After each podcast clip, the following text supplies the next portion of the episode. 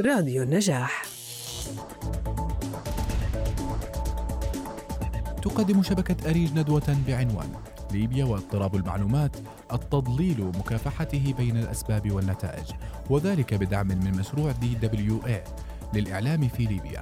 تسلط هذه الندوة الرقمية الضوء على التجربة الليبية التي تكتسب أهميتها في كونها جمعت نوعي التضليل الممنهج وغير الممنهج. في مجتمع لا يزال وعيه محدودا اتجاه التضليل وأساليبه. إلى جانب الحرب على الأرض وجهود مكافحة جائحة كوفيد 19 وذلك يوم الاثنين الموافق الثاني والعشرين من نوفمبر في تمام الساعة السادسة مساء إلى الساعة السابعة ونصف مساء.